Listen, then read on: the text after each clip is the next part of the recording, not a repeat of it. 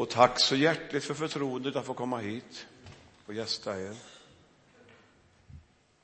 Jag känner mig mycket tacksam, ja, inte bara över att just få vara här, utan att få ägna mitt liv åt att predika evangeliet. Och vi hade som tema på eftermiddagen här, vi hade en väldigt fin samling på eftermiddagen. Och vi hade som tema Tjäna Herren med glädje. Och vi sa till varandra att det är inget förslag, utan det är en befallning. En tydlig kallelse som vi möter i Bibeln.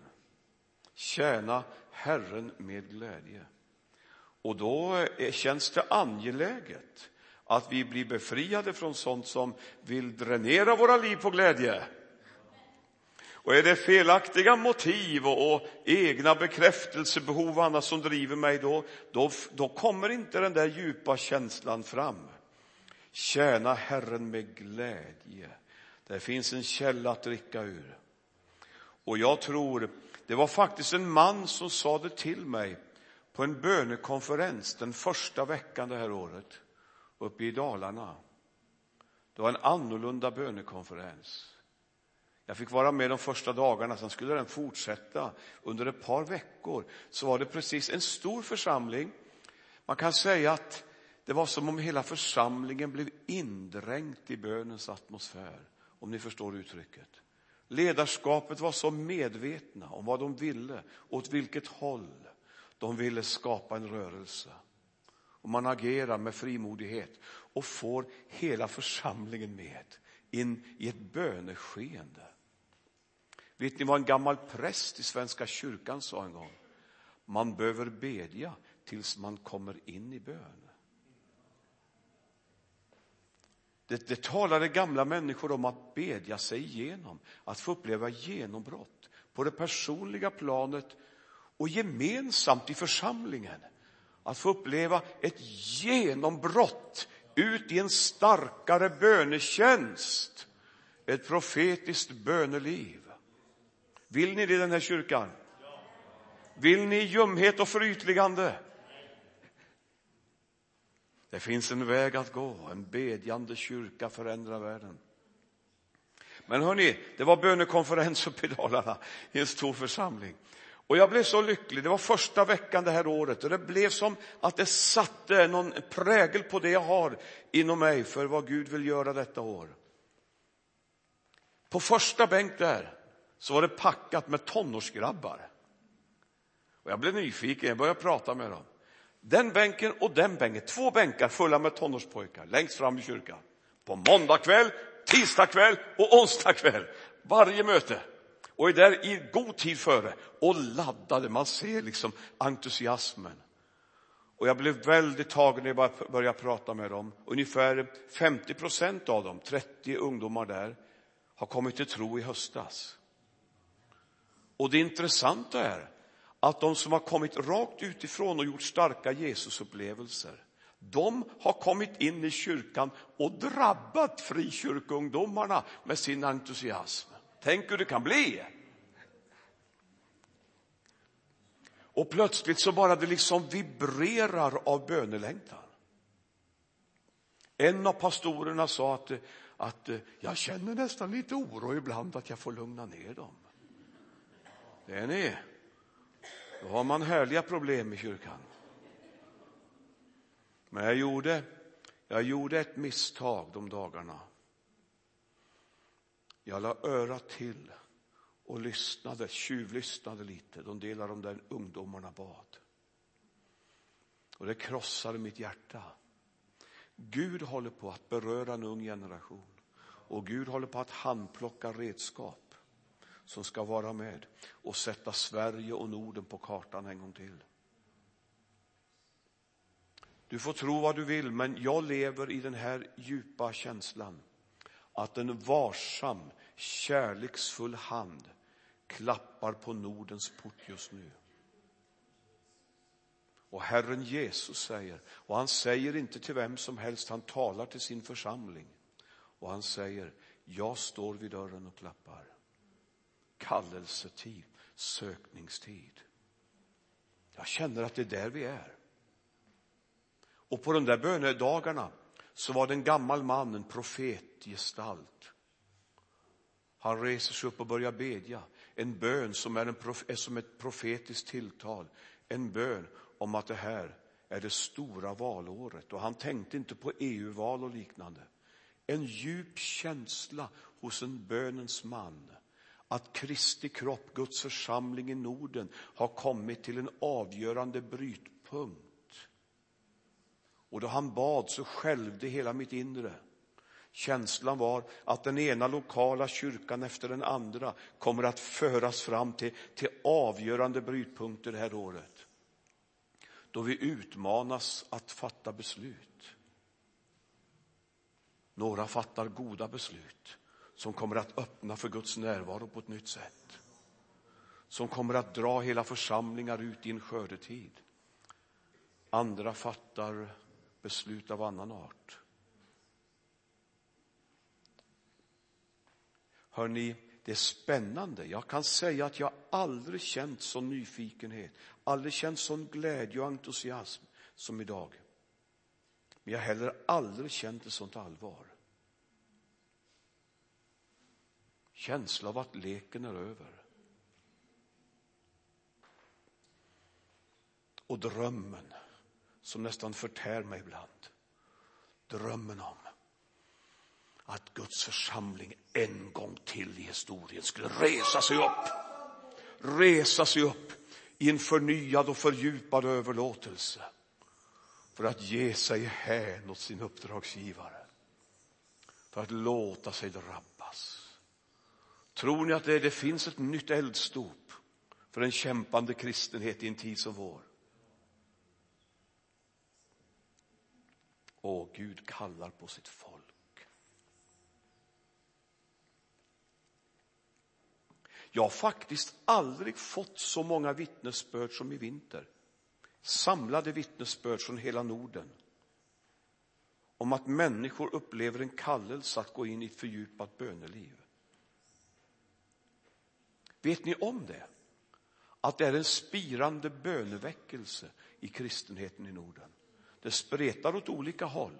Det är mycket som känns väldigt förvirrande, men det finns också en tydlig linje. Det är pastorer och präster. Det är hela församlingsgrupper som upplever en förnyad kallelse till bön. Jag är med i någonting som kallas för Sverigebönen. Jag har gett mitt hjärta till det. Och de sista tio åren har jag rest på heltid i Norden och vi har haft bönekonferenser i stad efter stad. Och jag, jag känner att då, då kristna människor samlas och riktigt medvetet börjar bedja om andegjutelse och väckelse, böner som har att göra med skördetid, då sanktionerar himlen och det händer någonting.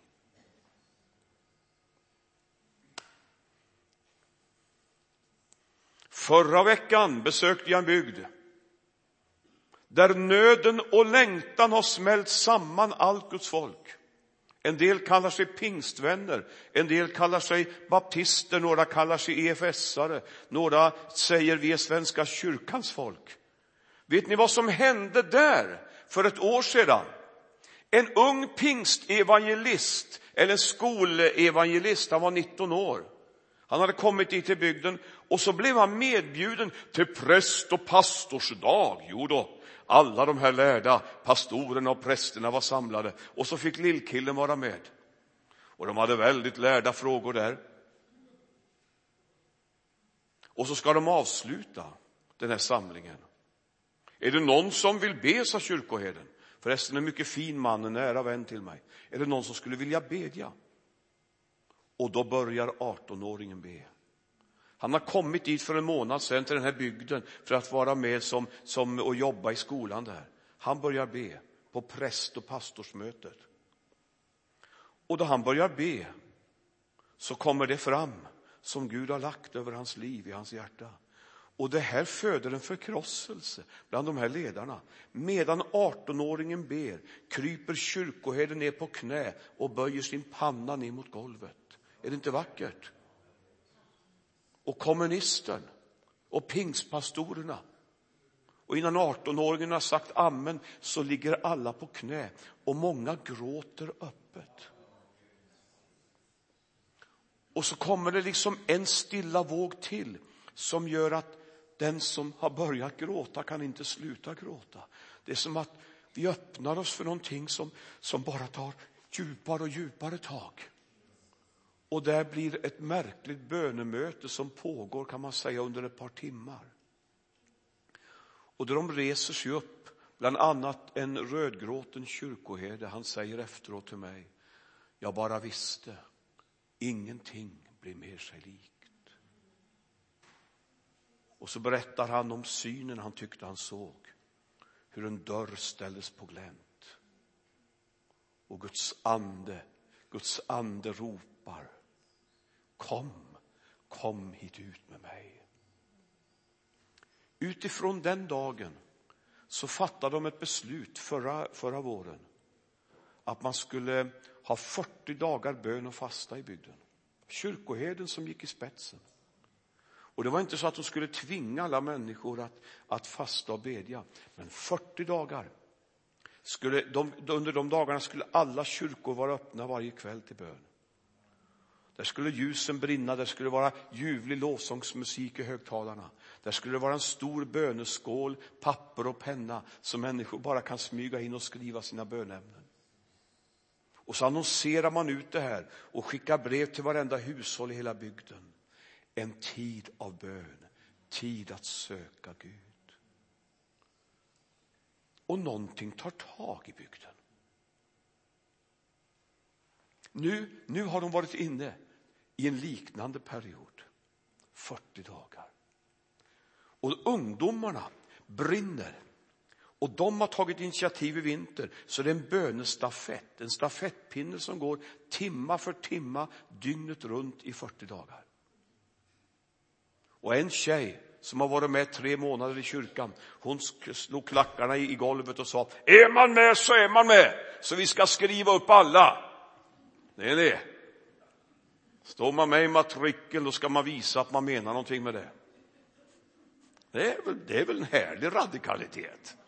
Det är väl friskt. Och utan att en del riktigt har fattat det så har de dragits med in i en bönetjänst. Nästa vecka ska jag åka till Finland, till Borgå, en vacker gammal stad. Finskspråkiga församlingar, svenskspråkiga, alla tillsammans. Och för 40 dagar sedan ringde en av pastorerna och sa på ett pastors och prästmöte i stan har vi fattat beslutet att utlysa i alla kyrkorna 40 dagar bön och fasta inför konferensen vi ska ha i vår. Och jag höll luren, stod tyst och svalde och kände hur tårarna rann. Det finns människor som vill. Och inte bara det. Det står i Bibeln att Gud uppväckte folkets ande att gå till verket. Har du läst det? I Haggai bok. Det hade varit så modlöshet. Det går inte. Nej, det är omöjligt. Arbetet hade legat ner i många, många år. Och så kommer Guds ande. Gud kommer inte och, och hotar och, och, och, och slår fördömelse i folket. Han kommer varsamt och uppväcker folkets ande att gå till verket. Det är någonting av det här jag ser. En, en svag men ändå tydlig vågrörelse. Och när jag läser Gamla testamentet ser jag ju som en vågrörelse genom hela, i, i varenda bibelbok att Gud alltid har initiativet. Då Gud vill upprätta, beröra, göra någonting nytt i landet så börjar det alltid med att nöden läggs över folket och nöden öppnar för en bönerörelse och folket ropar till Herren.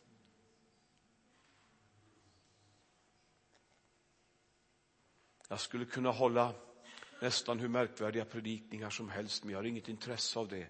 Jag har kommit hit tre dagar. Jag älskar er, mina vänner. Jag skulle vilja se den här församlingen blomstra. Men det kommer inte att ske genom olika kurser och idéer. Pröva med att böja knä tillsammans. Jag har kommit hit för att be om det. Jag känner jag vill vara här, gå runt i kyrkan och be. Gud, utgjut bönens ande över denna plats. Så att människor som kommer in här bara drabbas av en hejdlös längtan att få beträda helig mark. Och ibland har det funnits så mycket av lagiskhet och dåligt samvete och sånt här, sånt här tungt som har förknippats med bön. Och jag tror att det går bara att bedja bort. Så det får bli en doft av frihet, av härlighet och Guds närvaro. Det är tid att söka Gud.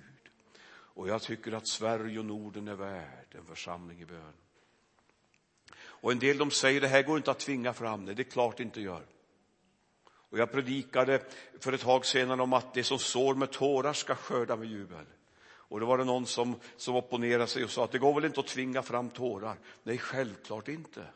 Men jag har ett förslag till församlingen. Finns ordföranden här så har jag ett förslag till nästa församlingsmöte.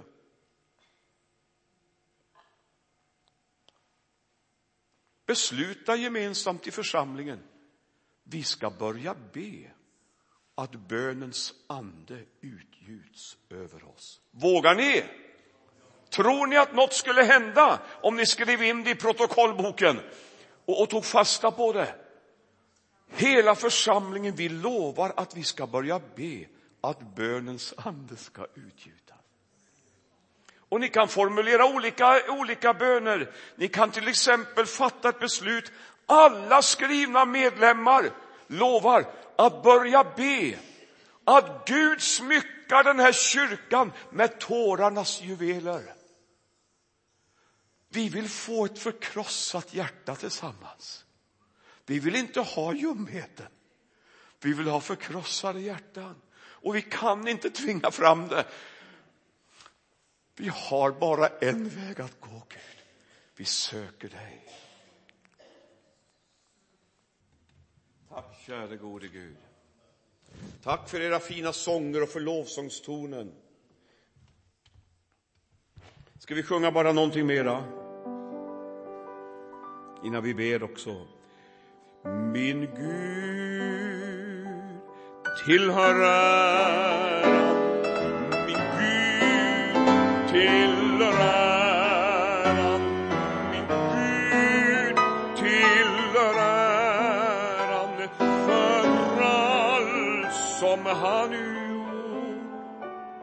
Med sitt blod. Har han frälst mig, med sin kraft? Har han lyft mig min Gud till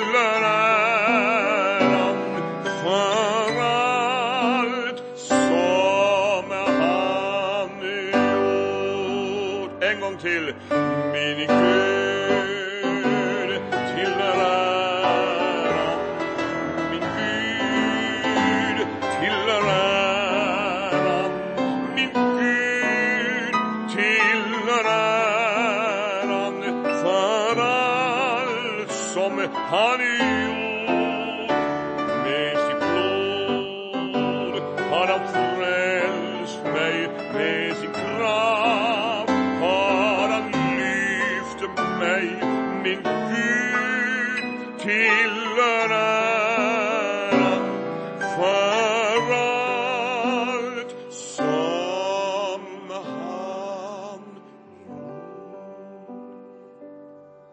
Och så riktigt innerligt men varmt och fyllt av, fyllt av förtröstan ska vi sjunga Ande du som livet ger, fall nu över mig. Och så låter vi det bli riktigt personligt. Ibland talar vi om församlingen som i tredje person. Det är inget med församlingen, det är så uselt med församlingen. Men eh, du då? Du som är kallad att vara en lem i Kristi kropp, brinner ditt hjärta och blir människor brinnande som umgås med dig? Talar du ett sånt språk, är det en sån atmosfär omkring dig som människor säger, blev inte våra hjärtan brinnande i oss när vi besökte den mannen, den kvinnan, när vi satt tillsammans i kyrkbänken. Det är ni. Det är du som är församlingen. Det är du som är med och, och skriver historien här. Ande du som livet ger.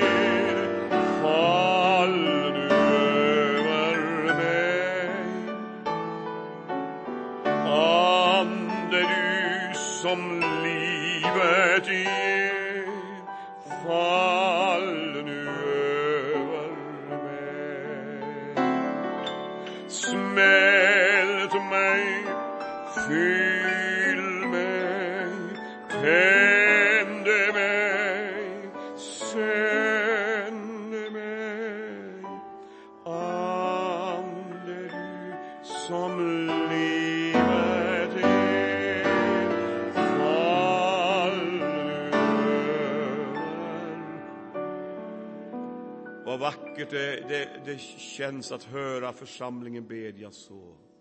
En församling som gör upp med stolthet och säger Gud, du måste hjälpa oss i en tid som denna. Kom och rör vid oss. Känns det, känns det gott att även med kroppsspråk uttrycka bön och längtan? Så, så räck dina händer mot himlen, så beder vi en gång till. Och nu spelar jag bara i rena ackord. Sjung i stämmor.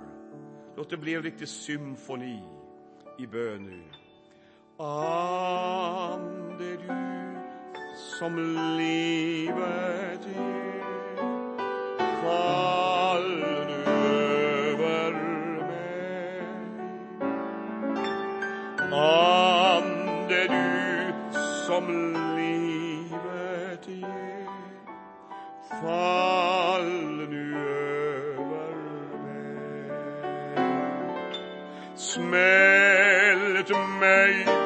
Hey.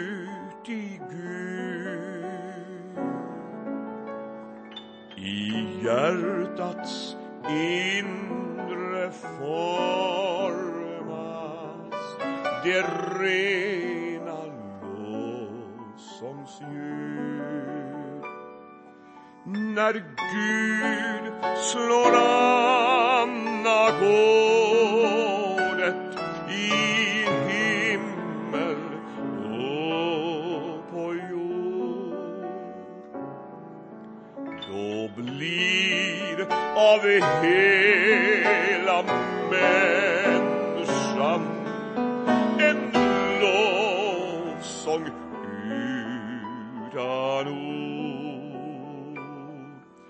När Gud slår an ackord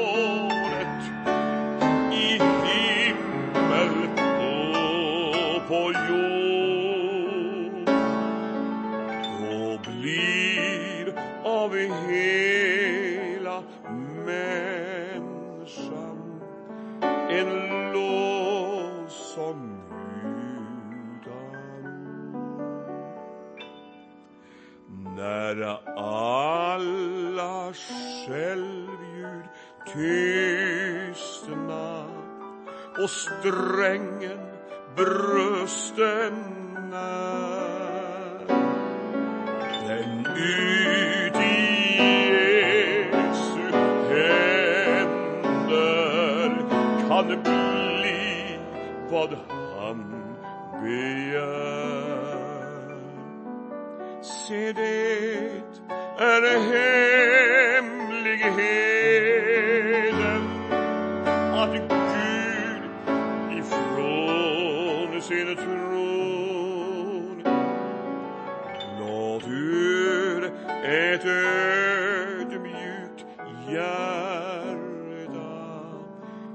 kunde bringa fram en ton.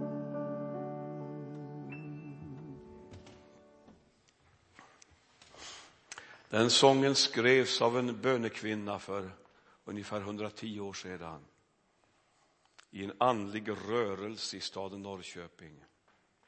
Nu, nu vill jag be en bön. Låt oss be en gång till. Fader i himmelen, tack att vi får komma till dig i Jesu namn. Och för det namnets skull får vi möta en vidöppen famn.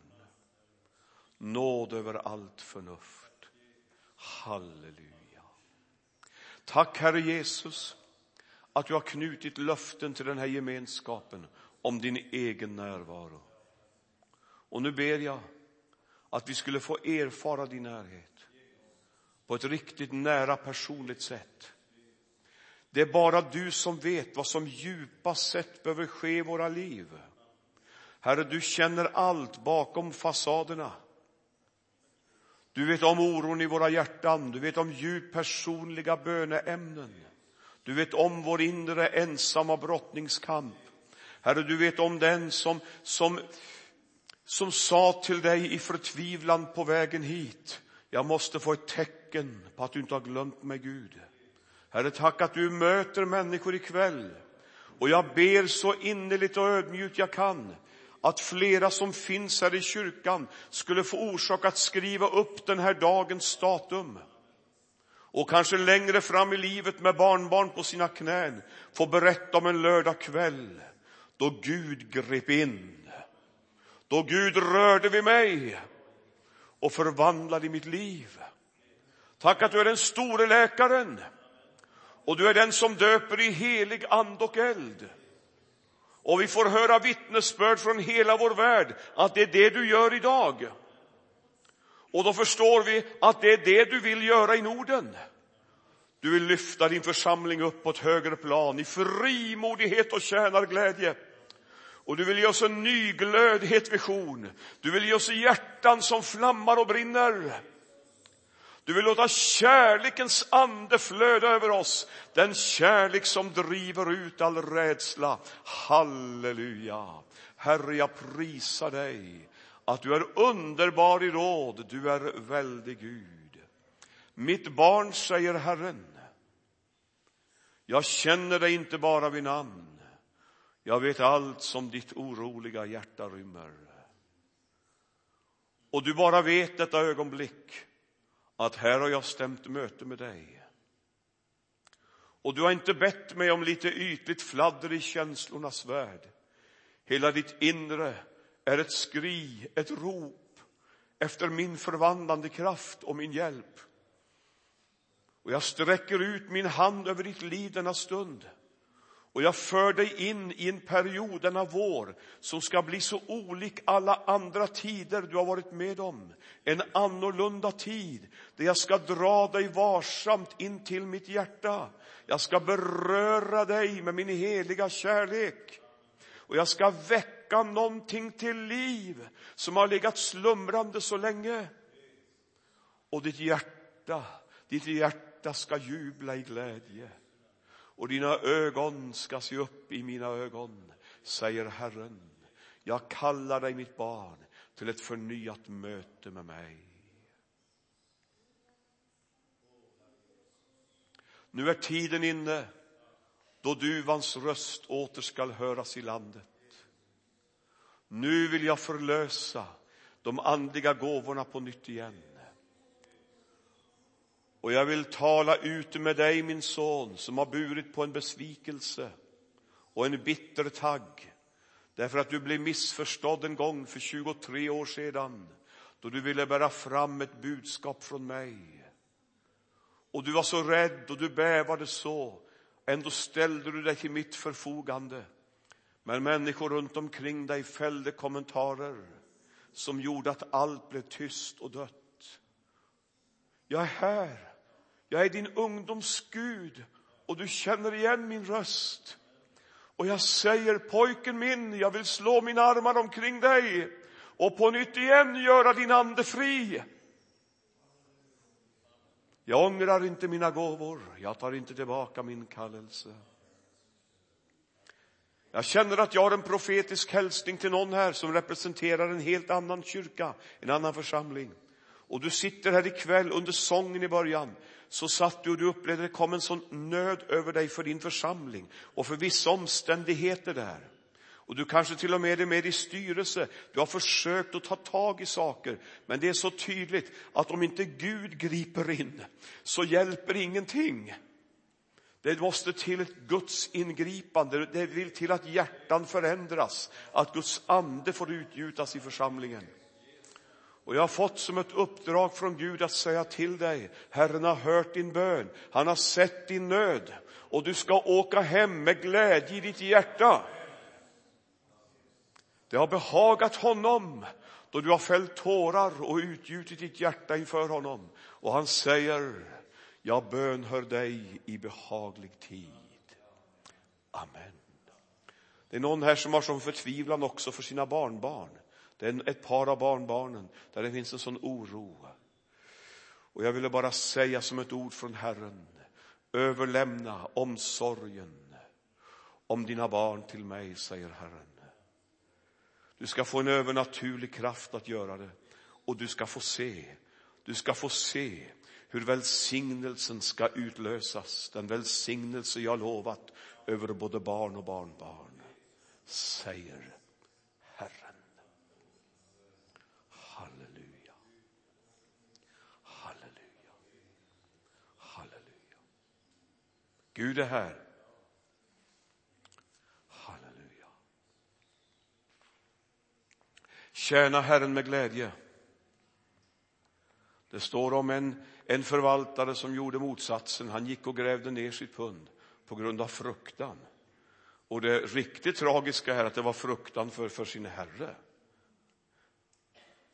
Det var en felaktig gudsbild som gjorde att han aldrig kom ut i det han var ämnad till. Tjäna Herren med glädje. Jag vill ge den här församlingen ett ord till. Ett ord som jag tror är dagens text till församlingen i Mölndal. Och jag läser utan till ifrån Hebreerbrevet kapitel 10, vers 35. Så säger Herren till sitt folk. Ge inte upp er frimodighet. Den skall rikligen belönas. Uthållighet är vad ni behöver för att kunna göra Guds vilja och få vad han har lovat. Ty ännu en liten tid sedan kommer han som skall komma och han skall inte dröja.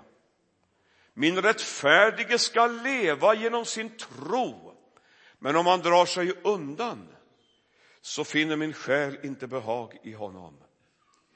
Vi hör inte till dem som drar sig undan, utan till dem som tror och räddar sina liv. Vi, vi-form på den sista versen. Titta på dina vänner runt omkring dig. Vi, vårt val är gjort. Vi. Ska vi läsa det här i korus? Jag tar det en gång till. Vi hör inte till dem som drar sig undan och går förlorade, utan till dem som tror och räddar sitt liv. Nu får alla vara med. Vi hör inte till dem som drar sig undan och går förlorade, utan till dem som tror och räddar sitt liv. Det är tre mycket allvarliga, tydliga uppmaningar i den bibeltexten. Och jag menar att de är oerhört aktuella i en kämpande och förvirrad kristenhet i Norden 2014. Utmaningarna och uppmaningarna är följande. Ge inte upp din frimodighet. Den andra, håll ut. Och den tredje, dra dig inte undan. Den första var, ge inte upp din frimodighet. Hur upplever du ditt kristna liv? Och då du ibland försöker riktigt tydligt ställa dig till Guds förfogande och tjäna honom. Hur upplever du situationen? Då jag tittar tillbaka i backspegeln lite på mitt liv, då blir det mer och mer tydligt för varje år som går. Att själafinen verkar vara helt inriktad på att nagga min frimodighet i kanten. Det är hans strategi för att få tyst på mig. och få mig att börja dra mig undan och ta steg på reträtt. Försöker att ta frimodigheten ifrån mig. Det kommer från olika infallsvinklar för att nagga frimodigheten i kanten. Därför har jag fattat ett beslut. Och någon tycker att jag är högmodig, då bjuder jag på det. Gud vet hur jag har det. Men kanske därför att jag kämpar med så mycket annat, motsatsen till högmod, så vill jag berätta att jag har fattat ett beslut. Ja, för det första har jag tittat mig ordentligt i spegeln och tittat i almanackan och insett det mesta av min tid på jorden, det ligger bakom. Och jag vet hur stark kallelsen var. Möjligtvis har jag några flyende år kvar att förverkliga det Gud talar in i mitt liv. Så jag har bestämt mig. Resten av mitt liv det ska präglas av frimodighet då det gäller min tjänst för Gud. Ge inte upp din frimodighet. Jag vet att jag talat över den här texten förr här. Men nu talar jag igen. Och jag, vill bara, jag vill bara kort ge er några, några hemligheter. Då jag fattade mitt beslut, då skrev jag ner på ett papper några punkter. Några hemligheter, nycklar till varför Ingmar Hellner har rätt att vara frimodig i sin tjänst för Gud. Och nu tar jag några av de punkterna. Punkt nummer ett. Jag vet på vem jag tror. Och jag känner det högtidligt så jag nästan ville stå och ge vakt jag säger de orden. Och det är inte mina ord, det är faktiskt ord från Bibeln, det är Paulus som skriver det. Jag vet på vem jag tror. Och märk väl, han skriver inte jag vet på vad jag tror. Det räcker inte. Det har ju aldrig varit mer angeläget än idag, men det räcker inte för att kalla sig kristen. Kristendom, det är faktiskt inte bara dogmer och lärosatser.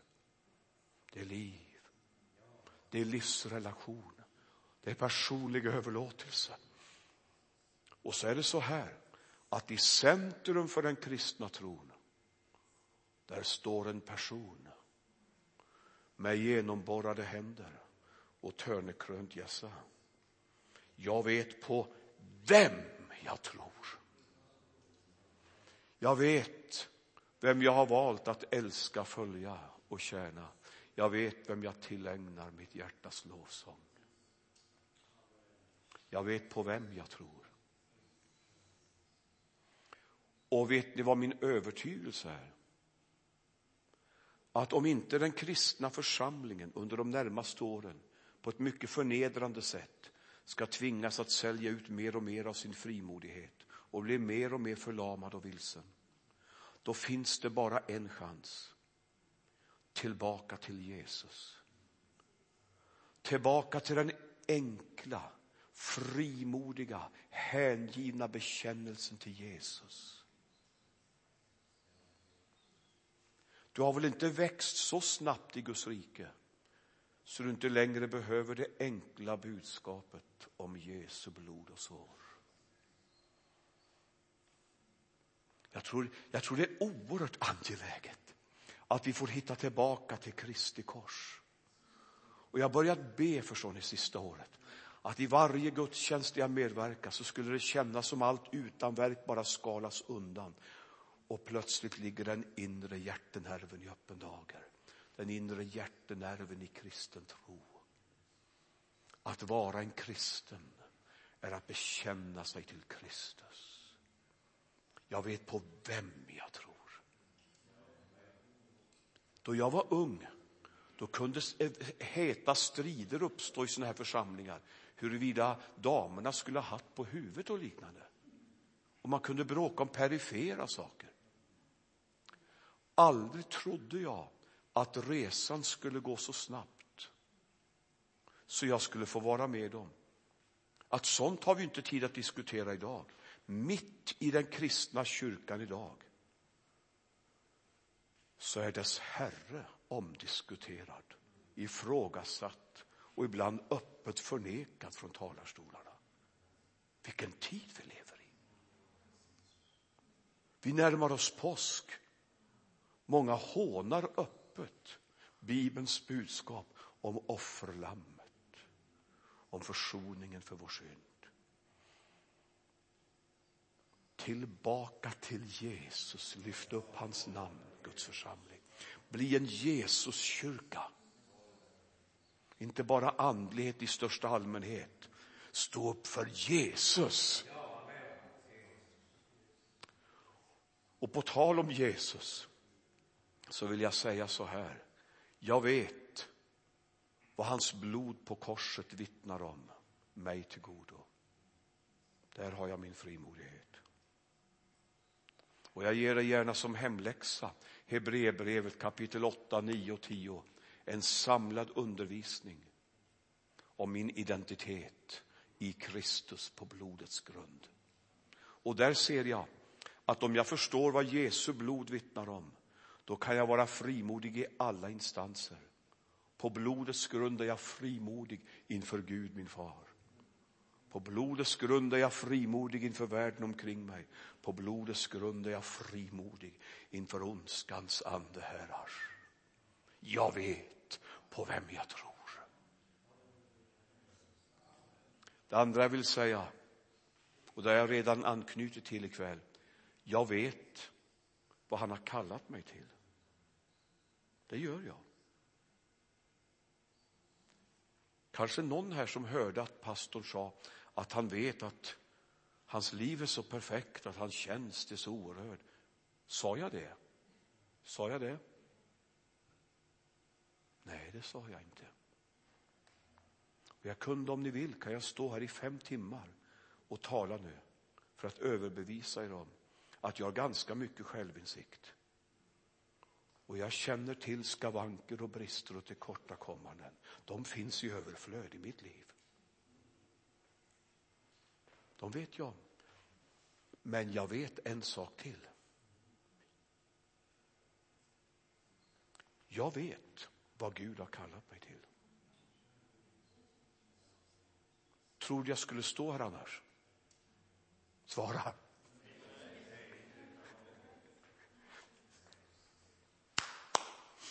Med det vill jag också säga att jag tror att eh, det är oerhört angeläget att vi återerövrar respekten för den gudomliga kallelsen.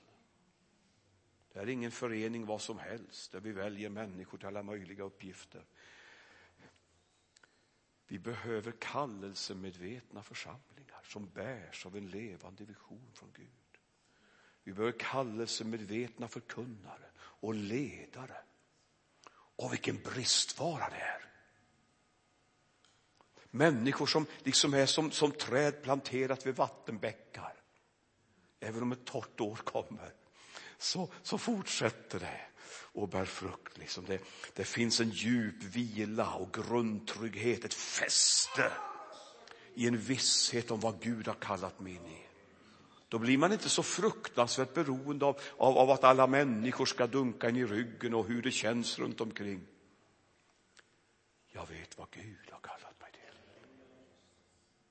Sök Gud för ditt liv, för resten av ditt liv. Jag tror att varje kristen är inbjuden att leva ett sånt nära, innerligt Kristusliv så att det känns naturligt i olika vägskäl att söka Guds vilja. Jag vet vad Gud har kallat mig till. Ibland kommer jag till stora kyrkor som känns som, som en båt utan roder ut på ett stort stormigt hav. Och då blir jag riktigt ängslig. Det här kan ta vägen vart som helst.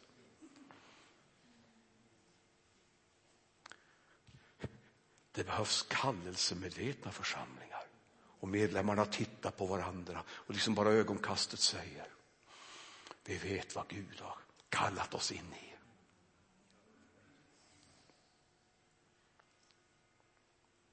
Kommer ni ihåg vad jag sagt?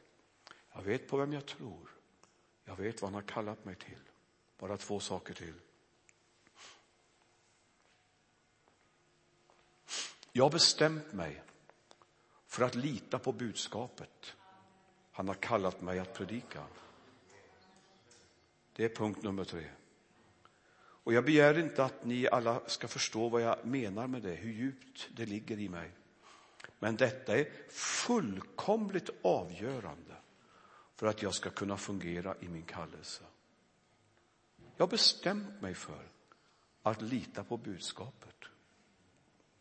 Och för mig är det en helig handling att här ikväll lyfta Bibeln så högt jag kan och säga, för mig är detta Guds heliga ord.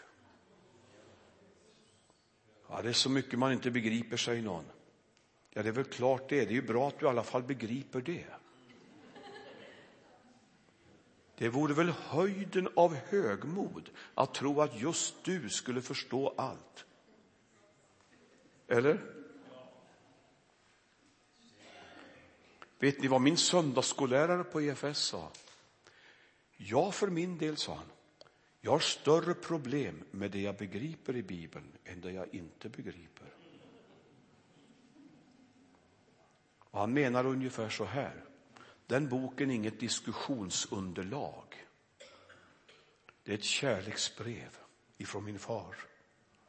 Det är inandat av Gud. Där finns Guds egen närvaro genom den heliga Ande. Och då jag nalkas Guds ord på ett rätt sätt, gärna knäböjande ibland.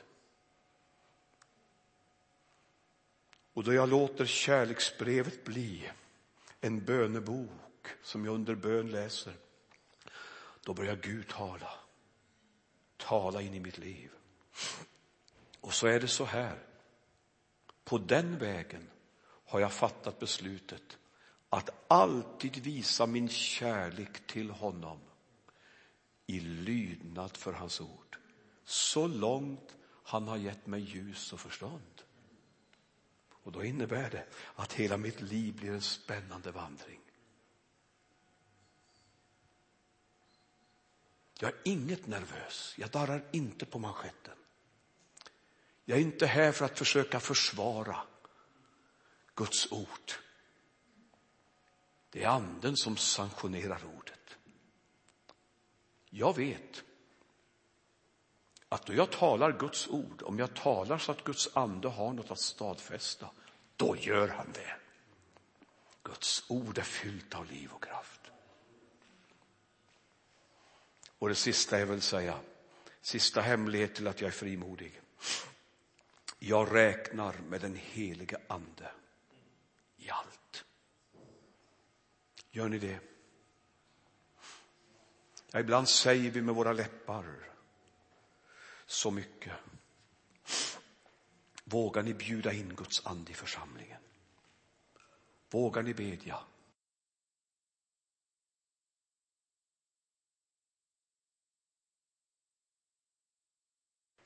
Vågar ni bjuda in Guds ande i församlingen? Vågar ni bedja?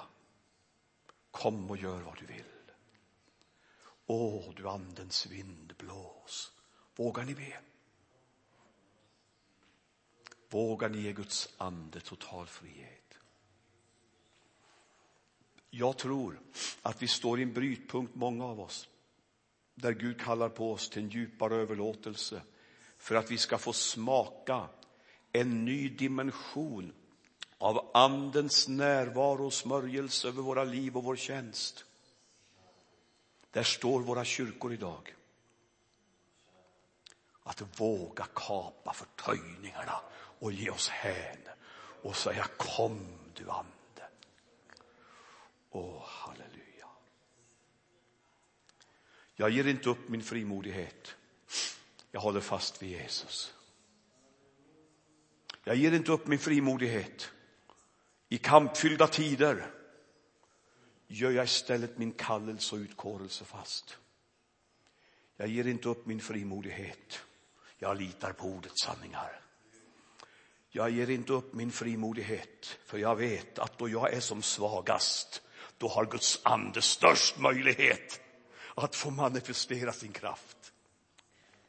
Halleluja.